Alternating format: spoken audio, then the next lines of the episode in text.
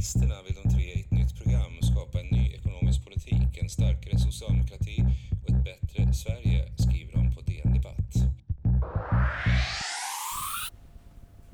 Hej och välkommen till Reformistpodden. Hej! Hej Linn! Hej Sara! Hej, hur mår du? Jo men jag mår, eh, jag mår ganska bra. Tycker jag. Fast det är liksom en sen måndagkväll när vi spelar in det här. Jag hade en eh, omtumlande försovningsstart på den här dagen. Men nu har jag hämtat hem det. Hur mår du? Mm, Just det. Jo, ja, men eh, jag mår bra. Jag försökte liksom bota den här eh, måndagskvällskänslan med att ta lite choklad, men så var det blandat med pepparkaka. Det var inte bra. Nej, man, jag tycker inte man ska eh, don't fix what ain't broken som man säger. Pepparkaka mår kanon på egen hand. Choklad också. Just det. Krångla inte till det. Nej, precis. Eh, de gör sig bättre. Var för sig. Ja, absolut. Men du, vad har du tänkt på den här veckan? Eh, jo, men jag har tänkt på ganska mycket grejer. Jag har faktiskt tänkt eh, också, ska jag säga, mycket på vårt förra avsnitt. Eller Mm. på välfärdspolitik sen vi poddade med Karin sist. Mm, det finns mycket att tänka på där. Ja, och att det har så hängt med lite i också min omvärldsbevakning på något vis. I hur mycket som är välfärd. Gud vilken platt spaning. Men jag har verkligen tänkt på det. Hur sjukt det är det är så himla... Det påverkar så mycket i ens liv. Det har jag tänkt en del på. Men sen har jag också tänkt på, och det var det jag tänkte lyfta in som någon slags veckans spaning. Eh, kanske inte heller är jättedjup, men ehm, jag tänkte på det här med... Eh, det har ju kommit ett nytt... Eh, regeringen har tillsatt en utredning som har lämnat över ett förslag om obligatoriskt språkförskola Mm. från fem års ålder, tror jag det är. Mm. Eh, och min spaning gäller inte förslaget som sådant. Alltså att diskutera huruvida det är bra eller dåligt eller sådär. Det finns jättemånga som tycker att det är bra och de har säkert fog för det och jättemånga som inte tycker att det är bra. Och det finns säkert argument på båda sidor. Det som jag har tänkt på med det här är att det är så jävla intressant att det är en liberal utredare. Det är nämligen Lotta Edholm som är eh, skolborgarråd i Stockholms stad. Just det, henne känner man igen ja. Henne känner man igen. Hon har varit i liksom Stockholmspolitiksvängen ett bra tag ju. Ja, väldigt länge. Och det är hon som är liksom den ansvariga utredaren. Och då eh, pratade jag med en kompis om det här och förslaget och sådär. Och tänkte på det, vad liksom intressant ändå är hur mycket... Alltså att liberaler älskar valfrihet så himla mycket. Som liberaler ju ändå gör Mm. i det mesta. För, för vissa, liksom. Men inte alla. Att det är, så, det är liksom en intressant ideologisk tankevurpa för mig. Att liberaler lägger förslag om ganska skarpa så här, tvångs... Eller liksom obligatorisk förskola för ganska små barn. Liksom. Mm. Samtidigt som man är för liksom, valfrihet och alla ska välja själva och klara sig själva i så många andra delar liksom, av välfärdssystemet. Och att det är spännande att jag tänker så här, effekten, alltså anledningen till att man ska göra det här är ju för att man då liksom, om det svenska språket är så viktigt för att barn ska liksom ha bättre förutsättningar senare i livet. Men jag tänker så här, om skolan bara hade gjort sitt jobb Mm. i att utjämna socioekonomiska förutsättningar och liksom verka för jämlikhet. Mm. Då hade ju det kanske inte behövts. Det är som att vi liksom... Förstår du? Det är så här valfrihet i allt. Som någon Mm. slags så här liberalt mantra. Mm. Tills barn till invandrare Mm. inte klarar det längre. Och Mm. då ska vi tvinga bort de barnen och börja för, tidigare i förskola. Mm. Det är liksom en liberal variant av mina barn och andras ungar. Ja, Ja, ja det är inte snyggt. det är inte snyggt. Jag tycker inte det. Nej. Och det är lite, alltså just det här med, det är kul, det är, ja. Valfrihet för vissa, Mm. men inte alla. Nej, precis. Det har jag det tänkt kanske en del kan på. bli deras nya paroll.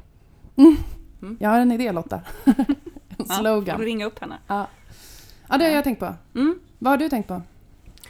Alltså jag har tänkt lite på, faktiskt inte, eller jag tänker fortsatt på corona, jag ska, ska inte låtsas som att jag inte tänker på det. Men nu har du lovat i två avsnitt att du inte ska spana om den corona. här gången tänkte jag faktiskt hålla det löftet. För att något annat som jag har tänkt på är det här förslaget om liksom ett, eh, en utvidgad möjlighet för de ensamkommande som har varit här i, vad är det nu, fem år? Mm. Eh, och har liksom klämts mellan olika tillfälliga lagstiftningar och sådär. Eh, och jag har inte tänkt så mycket på eh, lagförslaget i sak, för jag, jag ska nog erkänna att jag inte har, har läst det. Jag är fortfarande engagerad i de här frågorna, men, men inte så att jag har liksom nagelfarit det här lagförslaget. Eh, men jag, jag, tycker ändå att det är intressant med, med diskussionen eh, som blir och den här, det är ganska mycket övertoner tycker jag om, eh, om amnesti och mm. eh, vad det här ska leda till på olika sätt. Alltså från, framförallt från så här högerpartier. Eh, men alltså jag är ingen, ingen anhängare av, av amnestier eller tillfälliga lösningar eller så särlösningar för vissa grupper eller sådär. Utan jag vill ju ha en, en migrationspolitik som är hållbart som håller, ja. reglerad och som är förutsägbar. Mm. Så som jag tycker att lag ska vara. Mm. Och det tror jag det tror jag vi är väldigt brett överens om. Eh, reformisterna till exempel tar inte ställning i den här typen av frågor men jag tror Nej. att väldigt många socialdemokrater är överens om att det ska vara liksom hållbart och reglerat även om vi kan se lite olika på hur saker ska regleras. Mm. Problemet för just den här gruppen är ju att det har varit allt annat än förutsägbart. Ja. Eh, och som jag sa så är det en grupp som har klämts mellan olika tillfälliga lagstiftningar och eh, liksom väldigt svåra tolkningar av hur lag ska tillämpas och sådär. Och det har ju såklart fått allvarliga liksom, konsekvenser i form av lidande för den här gruppen och deras anhöriga i, ja, men i Sverige, eh, som ju är liksom, ja, men polare och familj och sådär. Eh, och det, det bör man ju se. Eh, men jag tänker något som, som liksom sällan uppmärksammas i, i debatten är ju liksom den diskussionen som, som kanske skulle bita mera på dem som liksom bortser ifrån det som är lidande, de som vill betona liksom hur otroligt förnuftiga de är mm. i de här frågorna, som mm. inte låter sig beröras av känslor, enskilda, känslor Nej. enskilda människoöden och sådär. Eh, och det är ju liksom mängden samhällsresurser som man skulle behöva lägga på eh, att liksom jaga och utvisa den här gruppen. Mm. Alltså det, den frågan ställer man sällan så här, men fan, kostar det inte lite mer än det smakar? Att, ja, är det värt? Att liksom, är det verkligen värt? Ja. Antingen i form av så här, polisiära resurser man behöver lägga på att så här, jaga upp och, och utvisa liksom, de här personerna. Eller i form av inskränkningar av allas våra liksom, fri och rättigheter. Eh, men det, liksom, de frågorna ställs sällan. Eh, och det skulle jag vilja att man liksom, för någon jävla redaktion borde väl kunna, kunna ställa ställa de frågorna. Ja. Liksom, mm. uh, om, om, om, man nu liksom in, om det nu inte räcker med att, att det är en grupp som har farit illa av liksom, vändningarna i lagstiftningen så kan man väl åtminstone tänka så här, vi kanske inte borde lägga alla polisiära resurser på det här samtidigt, samtidigt som liksom, ungdomar skjuts ihjäl i förorterna. Eh, men vi har ju tänkt eh, att vi förbi liksom, grejer du och jag har tänkt på den här veckan ska tänka lite kring eh, temat feminism och jämställdhetspolitik i det här avsnittet. Mm. Precis. Jo. jo. Både kanske generellt kring problemen vi ser eh, både i samhället och debatten men också lösningarna vi både har i vår förening men mm. kanske också fler lösningar som vi vill se. Mm. Och lite kring så här, varför reformisternas politik också är feministisk politik. Ja precis, Tycker det känns viktigt. Mm. mm. Även om det inte är under det självklara paraplyet jämställdhetspolitik. Liksom. Mm. Men att vi ja, snackar lite om hur det hänger ihop. Liksom. Mm. Men ska vi börja i, eh, är det ens ett problem det här med ojämställdhet? Om ja, hur tar det sig uttryck? Om nej, varför är det inte det? Mm.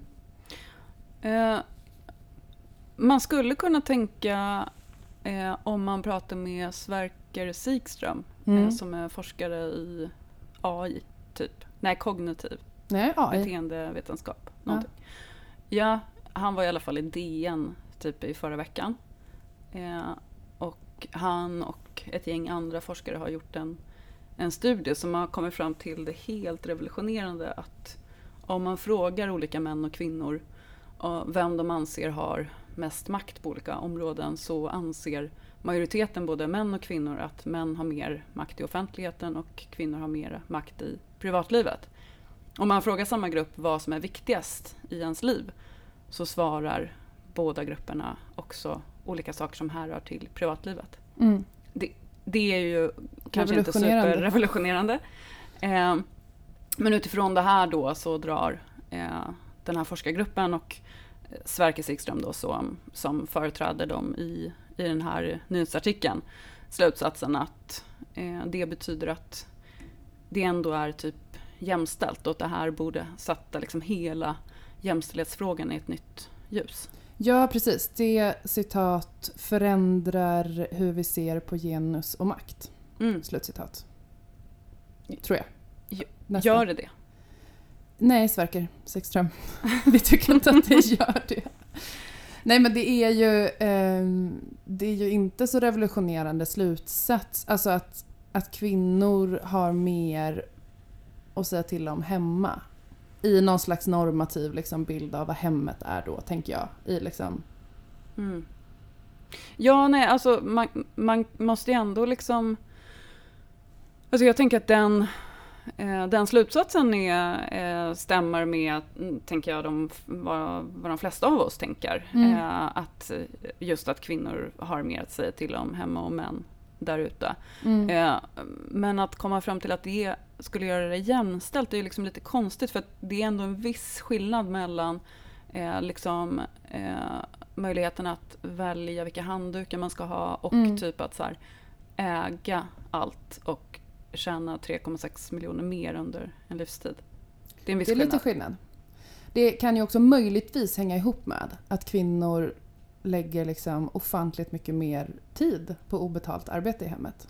Mm, Som män inte lägger i mm, hemmet. Det skulle kunna vara så att om kvinnor i genomsnitt tar lite mer ansvar för att liksom skriva handlingslistor och boka tvättstugor och köpa nya galonisar och ta fram lucia-linnen och så. mm. Att det också liksom medför lite handlingsutrymme på området. Lucia-linnen och tvättstugor och handlingslistor. Så nej, Sverker Sikström. Det förändrar inte fundamentalt hur vi ser på genus och makt. Nej. Nej. Men då har vi konstaterat det. Eh, eh, Sverker Sikström och gängets studie har inte eh, fundamentalt förändrat hur vi ser på problemen kring genus och makt i samhället. Eh, men ska vi säga någonting om, kan inte du berätta någonting om vad du tycker liksom, problemen eller effekterna av ojämställdheten i samhället är? Ja, alltså effekterna och eh, eh, orsakerna hänger ihop och det finns en växelverkan däremellan. Men det är ju så att så här, kvinnor strukturellt har mindre makt både över samhällsutvecklingen i stort men också över sina egna liv. Även om det är så att vi får projektleda familjen i större utsträckning och välja handdukar och sådär. Så har vi ju eh, på liksom strukturell nivå eller sammantaget eh, mindre möjligheter att, att välja. Vi äger mindre, vi har mindre eh, inkomster eh, och vi har liksom färre maktpositioner i, i samhället. Mm. Eh, och det är ju liksom ett utfall av men hur det har sett ut historiskt. Sen eh, gör ju det också att, att liksom det, även om det sker en förskjutning eh, tack vare eh, liksom, hård kamp, inte någon slags naturlig utveckling Nej, utan hård inte. jämställdhetskamp, eh, så är det ju fortfarande så att de strukturerna också är med och bidrar till eh, liksom unga tjejers och killars förväntningar på, på livet Mm. och vad det ska ge. Mm. Eh, så att det är ju liksom fortfarande så att så här, kvinnor då eh, inom citationstecken väljer en sämre karriär eller Mm. liksom sämre betalda eh, arbeten för att det är liksom vad som förväntas av oss på, på liksom någon slags strukturell eller Mm. normnivå. Så. Det hade ju Ebba Busch Thor en lösning på. Hon blev ju lite omsnackad om det när hon twittrade. Det är ju typ ett halvår sedan nu, eller ett år sedan kanske. När hon Mm. skrev, jag vet inte om du såg den tweeten, Ja, så skrev hon så här. Ja, sämre lön och sämre pensioner, kvinnor. Gör bättre val, får bättre utfall. Ah, Eller något sånt där. just det. Ja, Tack för tips Ebba. ja det, var, det var ett väldigt schysst eh, tips, Mm. verkligen. Mm. Mm. Jag tycker också det är... ehm, det finns en, en studie som jag brukar använda. Jag har ju, är, ju ordförande för Maktsalongen ska sägas. Det tror jag vi berättade i första avsnittet. Mm. Eh, och är ju det fortfarande året ut.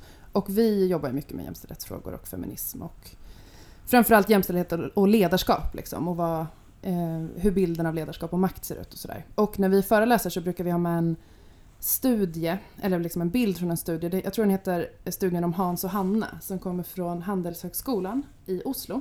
Mm. Som har gjort då, de har gett ett affärscase till en klass på Handelshögskolan där. Där halva klassen har fått eh, en liksom ett case på, det är liksom en affär, ett företag och en eh, pitch och eh, om ledaren för det här företaget. Och sen så får de svara på frågor om det här företaget och den här ledaren efteråt. Och det klassen inte vet då är att halva klassen har fått, där heter vdn Hans Berg Jakobsen och halva klassen har fått eh, Hanna Berg Jakobsen. Mm. Och sen får de då liksom ratea. Så här, ja, tycker du att Berg Jakobsen verkar bra, vara en bra ledare? Tycker du att Berg Jakobsen verkar vara en bra förälder? Vill du jobba med Berg Jakobsen? Eh, och sådär. Och då är det, den tycker jag är så jävla smärtsam för att utöver då de här öppna, liksom, de- det som vi vet, livsinkomsten på 3,6 miljoner kronor, eh, Mm. det direkta hotet om livet i att liksom bli slagen eller mördad av en partner eller det här som vi liksom Mm. läser om. Så tycker jag den är så himla tydlig i så här, att det vardagliga i hur vi så här, bemöter varandra. Mm. Du vet att det är så här, jag tror det är 24% som tycker att Hanna verkar vara en bra förälder och 76% som tycker att Hans verkar vara en bra förälder. Ouch. Trots att de har läst om exakt samma Mm. VD. Liksom. Mm. Och det är också en effekt av, som kanske inte är lika direkt liksom, eller lika tydlig, men bara att så här, den insikten om att vi så här, bemöter varandra och våra medmänniskor så fundamentalt olika. Mm. Bara baserat på kön. Det är superdeppigt, men det är också så viktigt att inse, tänker jag, apropå vad är problemet. Liksom, att det drabbar... Det finns så många... Om man lägger det rastret liksom, på samhället så finns det så många effekter i både det stora och det lilla. Mm. Verkligen. Eh, och jag tänker att vi kommer fortsatt komma in på det men alltså, mm, hur liksom det ekonomiska utfallet eh, ser ut hänger ihop med precis det som du beskriver, de här Mm. normerna. Eh, men det, har ju också väldigt, det är väldigt knutet till liksom, vår familjebildning och hur vi delar på det obetalda hushållsarbetet och sådär. Eh, och det är ju liksom någonting som man har snackat om så jävla länge. Så jävla länge. Och ändå liksom så... Ja, det går sakta, sakta framåt men fan, vill man liksom uppleva en, en avgörande förändring under, under sin livstid så är det liksom... Då är det fan bråttom ändå. Ja, Ja. det är det. Och det är ju... ehm, det är ju också en del av problemet, tänker jag. Att vi är så... ehm, jag tycker det är så svårt att se vad som är så här, nästa stora... Det är svårt att drömma om vad vi ska liksom driva för här, nästa stora politiska kamp. Liksom. Mm. Eh, för att vi just nu också typ har fullt sjå och försvara befintliga segrar. Alltså det är så här, ja då ska vi prata aborträtt igen. Typ. Mm. Firades inte den segern ett par decennier innan jag föddes? Liksom. Mm. Så ska man så försvara gamla segrar och det förblindar ju också i vad nya segrar skulle kunna vara. Mm. Och att det som präglar diskussionen och debatten är ganska små liksom små på liksom små skruvar i verktygslådan, eller vad säger man? Det är liksom inga, det är inga systemskiften vi pratar om. Det är liksom kvotering i bolagsstyrelser fortfarande. Och Ja. vi konstaterar att män måste ta större ansvar för hemmet och sen så slut. Typ. Ja, precis. Man kan ju verkligen sakna så här, de så här stora liksom, tankarna och det liksom glödande, brinnande liksom, samhällsfokuset. Eh, Och jag tänker att väldigt många så här, av, av de unga feministerna, får man väl säga, eh, alltså man låter ju som en, som en tant. Det är tråkigt, det vill man ju inte göra. Eh, men, men man ser ju många unga feminister som är, ja men de, de är kaxiga och liksom coola på ett sätt som, som inte så många var, helt ärligt, när, när jag växte upp. Alltså unga tjejer idag som är feminister ber ju liksom inte ursäkt ber inte om ursäkt för sig själva utan de så här, tar plats och Mm. kräver Mm. eh, plats.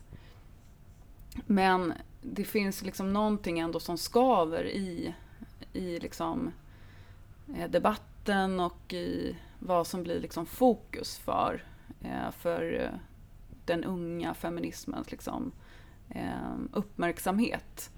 Eh, och ja, alltså det har varit mycket liksom, diskussion om identitetspolitik och bla bla bla. Mm. Eh, jag tänker inte liksom ställa mig till de som håller på och ondgör mig över, över det, för det finns absolut liksom, värden med identitetspolitiska krav. Mm. Eh, det gör det.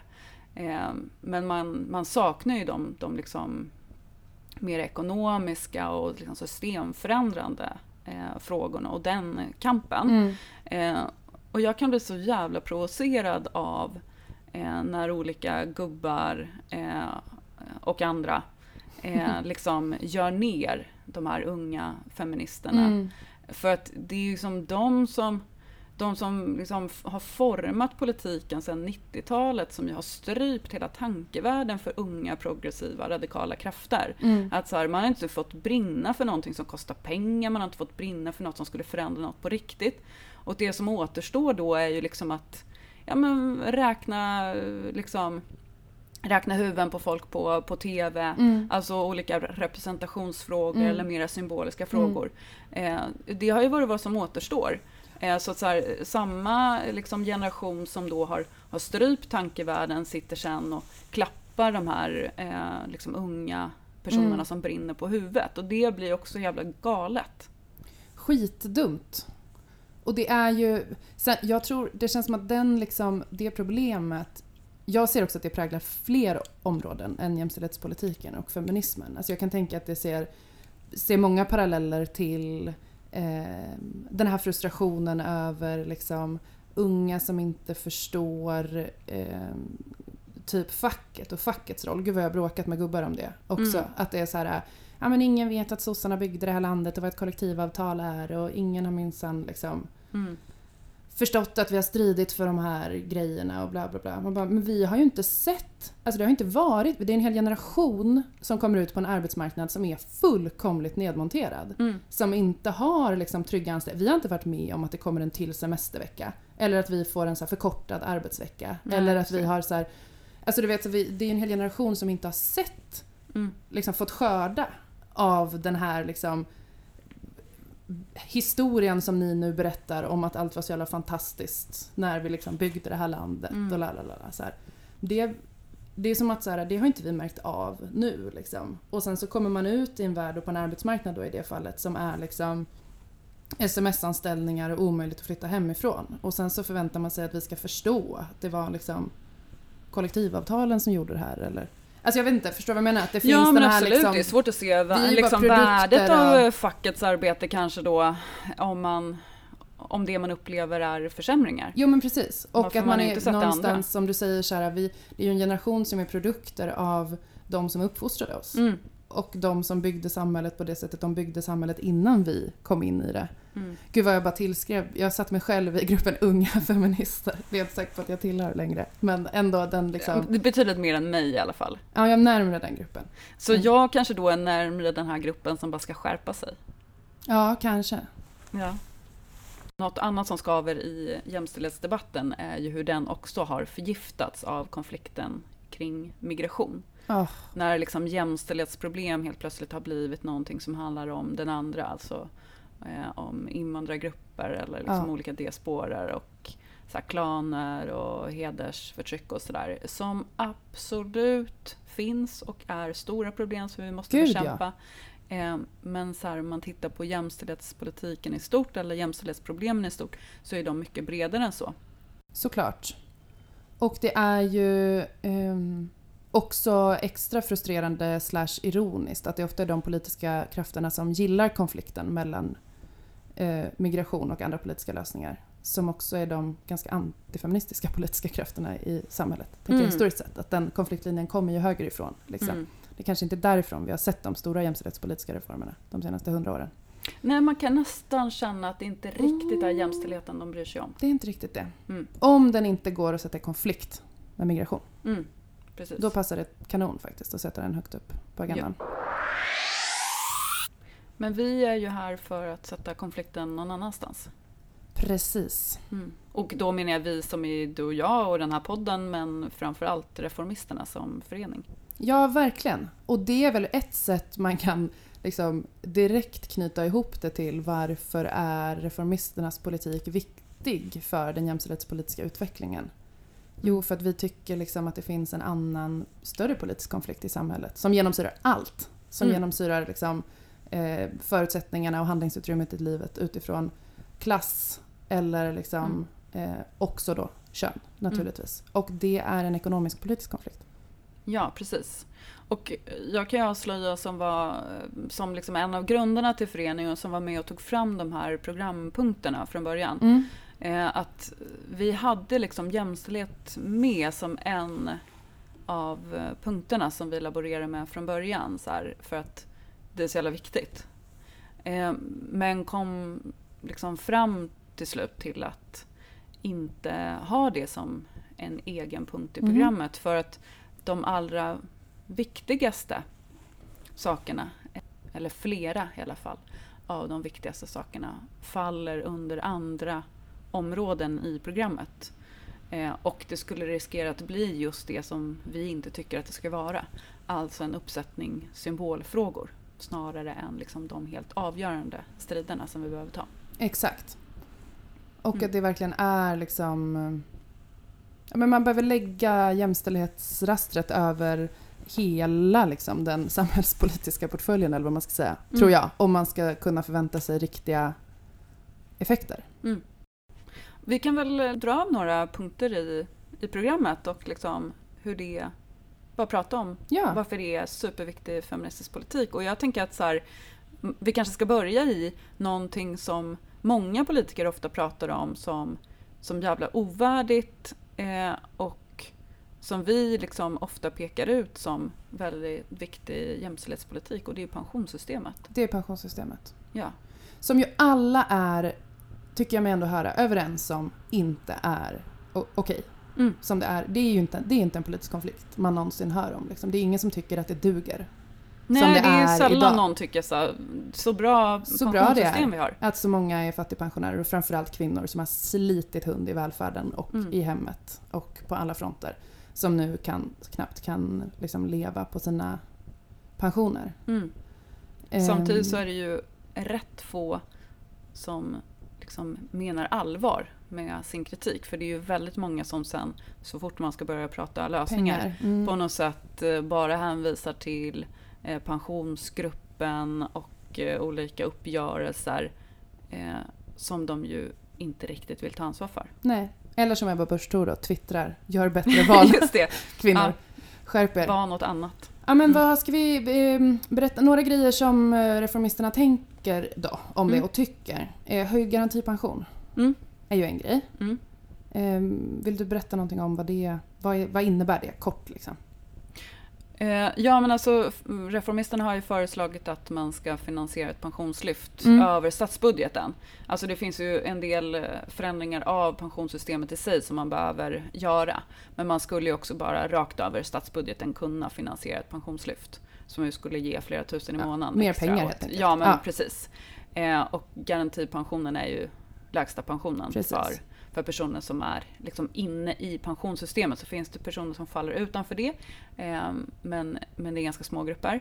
Eh, så liksom, den stora gruppen personer i pension som blir fattiga är ju de som har garantipension eller väldigt låg pension Ja. och de skulle ju gynnas kraftigt av Ja. reformisternas förslag. Och väldigt, väldigt många av dem är kvinnor.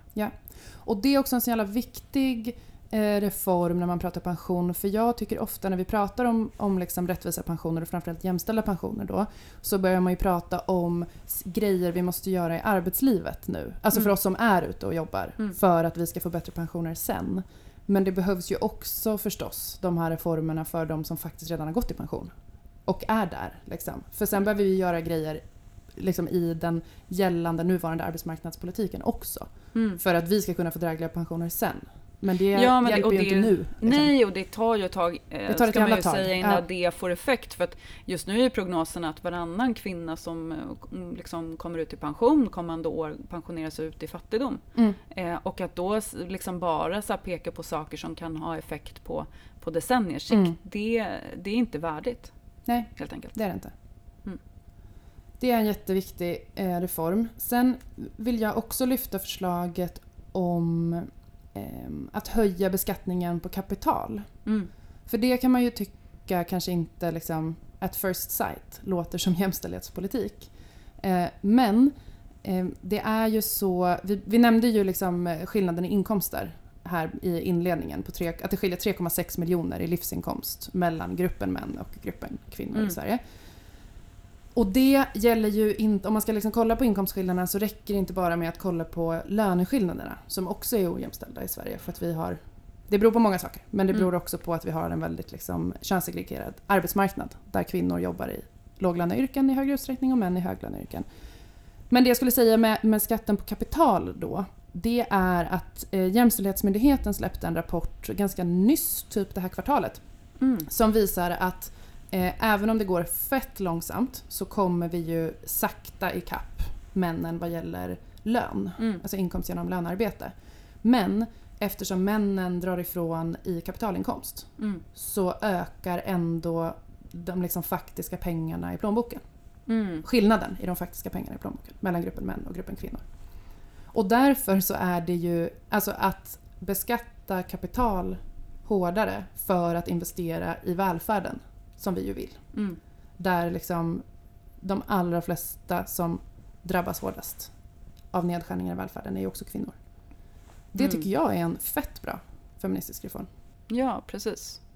Eh, jag tänker någonting annat som, som at first sight kanske inte heller känns som jämställdhetspolitik, men som verkligen är det, är ju satsningar på bostäder. Verkligen. För att fler ska ha ett eget hem. eh, Verkligen. Och ett hem där man får plats och sådär. Mm. Eh, det är ju liksom något som skulle gynna väldigt många i vårt samhälle. Eh, många barnfamiljer och sådär. Men det är också en väldigt viktig jämställdhetspolitisk fråga. Just att, att kunna flytta och Mm. starta, starta om. Varför är den jämställdhetspolitisk tänker du? Eh, för att man ska ha möjlighet att välja sitt eget liv. Att inte vara hänvisad till eller beroende av en relation. Där Mm. ju vi tyvärr vet att många kvinnor far illa. Det finns såklart eh, män också som far illa i, i relationer men strukturellt så är ju våldet mot kvinnor ett större problem. Eh, kvinnor mördas varje år. Mm. Ett stort antal dödas varje år av, av män som man har eller haft en, en relation med. Eh, och liksom våldet och förtrycket mot kvinnor är ju ett stort existerande problem. Mm. Eh, och har man svårt att, att flytta eh, av ekonomiska skäl eller eh, för att man inte kan få tag i en egen bostad Mm. eh, så är ju risken stor att man blir kvar i den relationen där, där man far illa. Så liksom på det sättet är det en jätteviktig jämställdhetsfråga. Mm. Såklart. Mm. Det var lite om liksom, några, eller är det någon mer du vill lyfta som från liksom, befintlig politik som reformisterna driver som vi ska säga som liksom, exempel på varför reformismen är feministisk också? Ja men kanske liksom, du var ju inne på det eh, gällande vad det är liksom ökad kapitalbeskattning ska finansiera. Just det, Men jag tänker att det är ändå viktigt att säga någonting om liksom så välfärdssatsningar. verkligen. Eh, för att det är ju, eh, även om man kan tänka sig att så här, eller kan tänka sig eh, att mm, arbetsmarknaden borde vara mindre segregerad än vad den är idag så är det ju ett faktum att eh, det är i väldigt stor utsträckning kvinnor som jobbar i den offentliga, eller jobbar i välfärden, Mm. kan man säga. Eh, och eh, av liksom, ja, skäl som, som rör liksom arbetsvillkor men också eh, löner Mm. och fan, yrkesstolthet och sådär. Så är det ju jätteviktigt med investeringar i välfärden. Ja, precis. Och när liksom välfärden går på knäna så betyder ju det i praktiken att det är kvinnor som går på knäna. Liksom, Ja. På jobbet. Ehm, Både på jobbet men också i hemmet om det är så att man känner att man behöver kompensera för att ens föräldrar inte tas om hand, eller svärföräldrar mm. inte tas om hand ordentligt i äldreomsorgen och sådär för att, för att de, går, de kvinnorna går på knäna eh, så kanske man går ner i arbetstid och Mm. sådär och eh, drabbas då också i, i lägre pension och sådär. Ja. Och det är ju det här som, som vi pratade om inledningsvis, de här eh, strukturerna som, som liksom hänger ihop och går i hand i hand och som Mm. gör att eh, liksom den strukturella ojämställdheten fortsätter. Verkligen. Mm. Ja, men utöver då våran befintliga politik Mm. Ska vi säga någonting? Finns det någon annan jämställdhetspolitisk lösning som du och jag... Det är ju det härliga med att sitta här och podda och vi får tänka utanför Reformisternas befintliga program till och med kanske. Mm. Är det något liksom... Är det någon reform du drömmer om? Eh, ja, eh, såklart eh, så vill jag se en eh, på riktigt individualiserad föräldraförsäkring. Mm. Eh, det är orimligt att vänta på Det att det här bara orimligt. ska lösa sig av sig själv. Det gör ju inte det. Nej. Vi vet ju det. Vi vet det. Vi vet att de, liksom, de stora sprången, om man nu kan kalla det det, i Har liksom skett mera när? jämställt uttag har skett i samband med att man har minskat möjligheten att överlåta dagar på, på den andra. Ja. Ehm, så liksom, familjebildningar ser, ser olika ut och sådär. Ehm, men majoriteten är ju liksom heterosexuella par där kvinnor tar ut en betydligt större del av föräldraledigheten än, Ja, än män. Eh, och det, det måste vi göra något åt. det måste vi göra något åt. Så det, det kan man ju liksom drömma, alltså det känns ju liksom inte som något man, man borde behöva drömma om. För Nej, det känns väldigt självklart. verkligen med. Eh, Ja, vi tar upp det en gång till. Precis, vi Ja. tar upp det en gång till. Eh, för att det, det, är bara, det är bara lös det. Lös det. Eh, alltså det var en grej jag hade tänkt nämna om inte du hade gjort det. Sen är en annan grej som jag drömmer om, som inte är tyvärr heller systemskiftande, för jag är väl stöpt i den formen jag med. Men det är någonting som jag liksom är, känner mig frustrerad över ofta. Det är att vi har en ny diskrimineringslag som regeringen eh, tycker om att eh, slå sig för bröstet för, som de bör. Den Mm. är kanon. Mm. Problemet med diskrimineringslagen är att ingen följer den. Mm. Och det får absolut inga konsekvenser överhuvudtaget. Mm. Och det är, varför det hänger ihop med jämställdhet då, är ju för att de här skärp, skärpningarna som hände i lagen 2018, som är liksom nyheten i lagen, det är ju utökade krav på arbetsgivaren när det gäller att förebygga sexuella trakasserier. Framförallt. Mm. Det var andra uppdateringar också. Som är ett problem som naturligtvis mest drabbar kvinnor. Mm. Som dessutom drabbar kvinnor eh, mer om de är unga och om man befinner sig i osäkra anställningar. Så det är liksom en sårbar grupp på så många sätt och vis.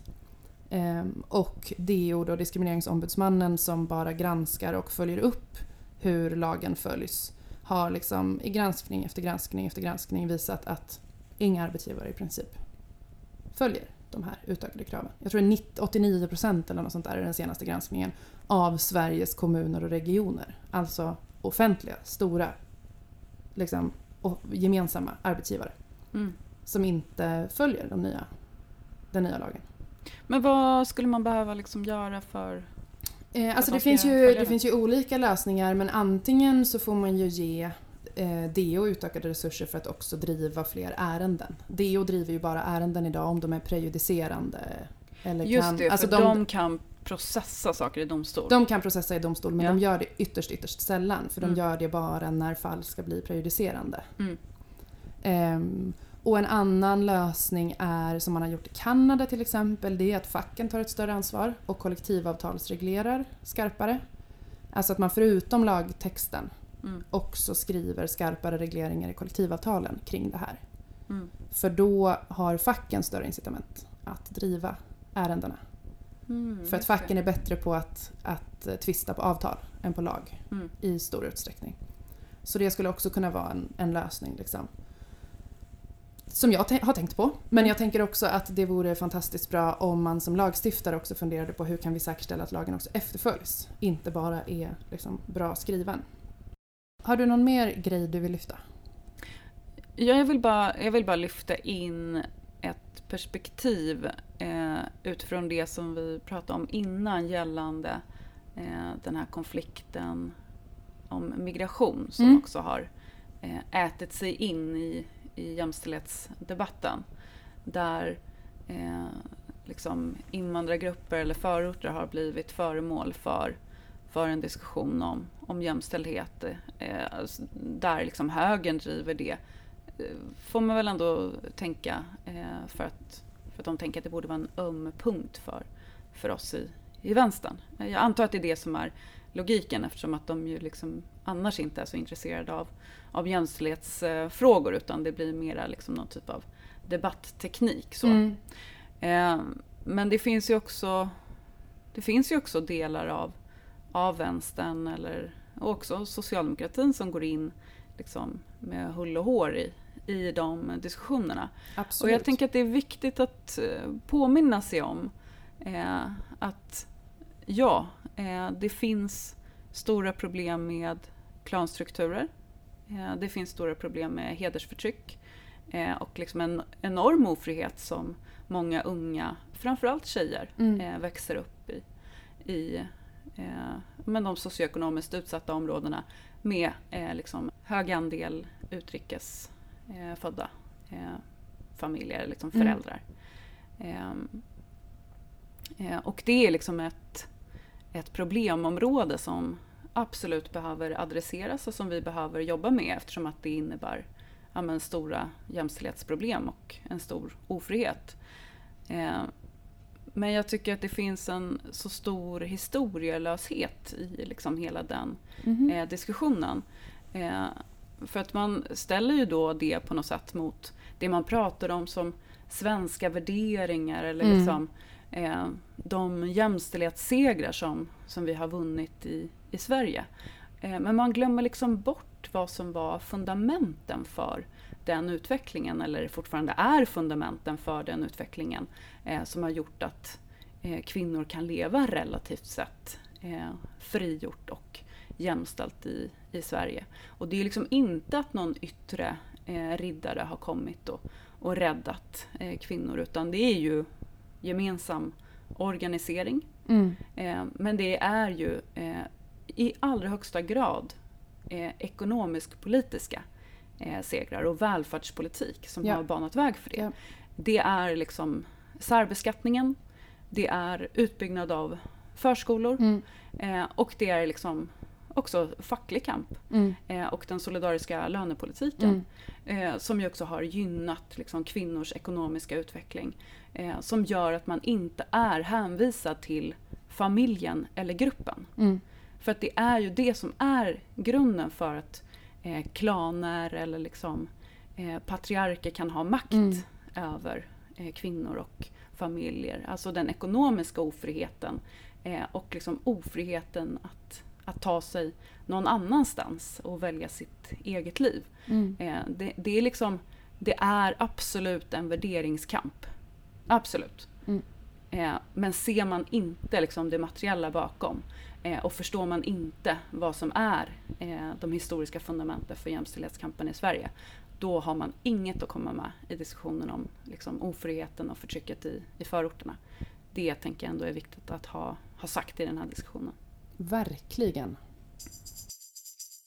Ja, och jag tänker att det anknyter till det som vi tänkte avsluta det här avsnittet med, nämligen det som är uppgiften framåt. Mm. Och där tänker jag att det är superviktigt för oss som förening och som rörelse för hela socialdemokratin att, eh, att jobba för eh, stora ekonomisk-politiska reformer men också att organisera fler i det arbetet. Och då inte minst organisera progressiva krafter i förorterna. För jag är helt övertygad om att det finns en, en oförlöst kraft där eh, och som skulle vara viktiga för hela samhällsdebatten och för, för vår rörelse inte minst.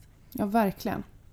Och som du är inne på, för att knyta an lite till den här liksom, eh, vilja ha större perspektiv på att drömma om stora jämställdhetspolitiska reformer. Liksom, om, Mm. om något större i att så här, ja, men också ingjuta någon slags eh, hopp och eh, ja, men hopp om så här, större skiften och systemförändringar i livet och i handlingsutrymmet, både kopplat till jämställdhetspolitik men också andra saker, än de vi kan liksom sitta här och drömma om idag, som återigen är liksom individualiserad föräldraförsäkring. Mm. Ekonomisk politisk jämställdhet, alltså ekonomisk jämställdhet måste vara det måste vara liksom nästa stora feministiska kamp, att driva på det hårdare. Vi kan ju inte ha det så här, 3,6 miljoner kronor på en livstid. Nej, alltså Det är skillnad, det är ett- så det är ett skämt. ovärdigt. Det är så ovärdigt. Ja, och alltså man kan bli lite besviken. Alltså nu precis innan vi skulle spela in det här så bara scrollade jag lite i, på, på DN eh, och såg eh, liksom tunga företrädare för eh, Socialdemokraterna för liksom, sidoorganisationer och eh, alltså jämställdhetspolitisk Mm. eh, företrädare och sådär. Eh, som återigen drar en veva i porrdebatten. Mm. Och det, det är det är så tröttsamt. Alltså det, jag tänker att man borde lämna 90-talet. Eh, och jag tänker att porrdebatten eh, väldigt mycket är liksom en, en fråga som, som man inte borde lägga ner allt för mycket energi på. Ja, det finns absolut eh, problem. Jag tror inte att lösningen stavas eh, förbud och filter och eh, liksom den typen av åtgärder. Det är ju också något väldigt osoft i liksom de här pekpinnarna som, som riktas i och med den här debatten. Jag tänker att man, att man kan bättre än så. Ja, och det är ju att det är det vi kommer att tänka på när du och jag funderar på vad står liksom på den jämställdhetspolitiska agendan idag. Mm. Det är det. Är det liksom. Mm. Och det, det är fan för dåligt alltså. Ja. För hela liksom... Det är för dåligt för, för den jämställdhetspolitiska debatten men det är också alldeles för låg ambitionsnivå för svensk arbetarrörelse. Mm. Att inte vilja... Att inte ha högre ambitioner vad gäller ekonomisk jämställdhet. Men utöver liksom oss som rörelse, vi är ju liksom eh, som feminister är vi också del av ett bredare sammanhang. Mm. Eh, det finns ju feminister som inte är socialdemokrater eller som inte är vänster. Mm, det gör Eh, det. Och som vi ju ändå ja, man kan känna väldigt mycket liksom, eh, närhet till och vänskap med. Och det finns ju flera jämställdhetspolitiska eh, frågor och segrar ändå som vi har drivit tillsammans med. Ja, jag skulle andra. säga det. Så liberala feminister och socialdemokratiska feminister har ju historiskt sett en väldigt liksom, helig allians i Mm. att driva liksom, avgörande reformer eh, tillsammans. Ehm, så ja, så är det ju. Det finns feminister utanför sossarna också. Ser du någonting eh, där? Eh, ser du någonting som den breda liksom, feministiska rörelsen skulle kunna driva framöver så som man har gjort med till exempel skärpt sexualbrottslagstiftning eller sånt som inte är liksom så delande Mm, om vi ska framtidsspana lite. Mm.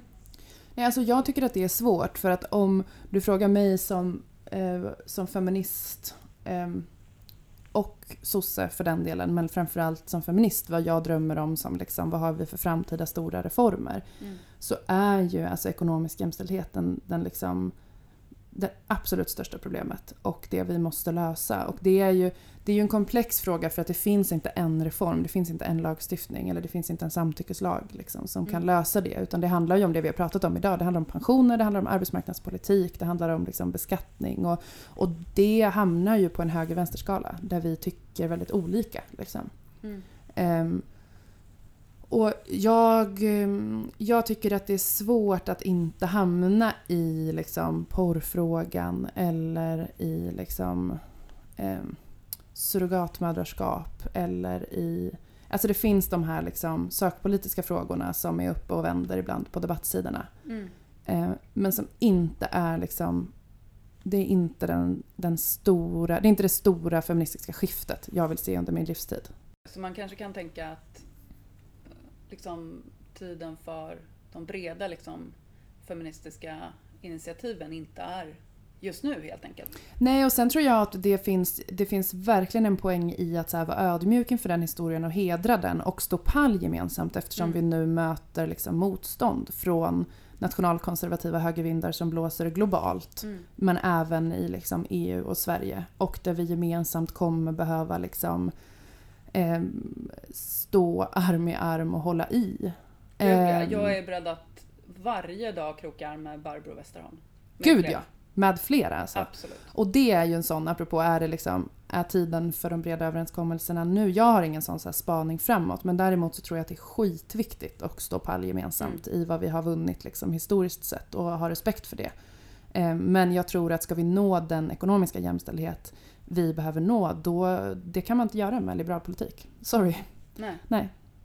Så lösningen är helt enkelt att Gå med i Reformisterna. gå med i Reformisterna och att de här unga kaxiga personerna Mm. Eh, Jag. inte bara du eh, och flera, andra unga häftiga personer gör anspråk inte bara på att bli lyssnad på eh, och på att man ska eh, respektera samtycke utan också att man gör anspråk på, ja men faktiskt gör anspråk på hela lönen och halva makten Verkligen. och ägandet. Verkligen. Ja. Mm. Ja men det var det. Det var det. Vad kul att ni som lyssnar lyssnar, Ja, tycker vi. otroligt roligt. Eh, om ni gillar podden så får ni gärna eh, prenumerera och recensera. För då kommer fler kunna hitta till podden. Och det är ju bra för eh, reformisternas eh, spridning av tankar och idéer och fortsätta politikutveckling, tänker vi. Mm. Och om ni liksom undrar något eller vill oss något, vill önska en gäst, vill ställa en fråga, vill önska ett tema, då kan man mejla oss. Och det gör man på reformistpodden snabblagmail.com. Ja, hör av er. Hör av er. Men tack för idag Linn. Tack för idag Sara. Hej då! Hej!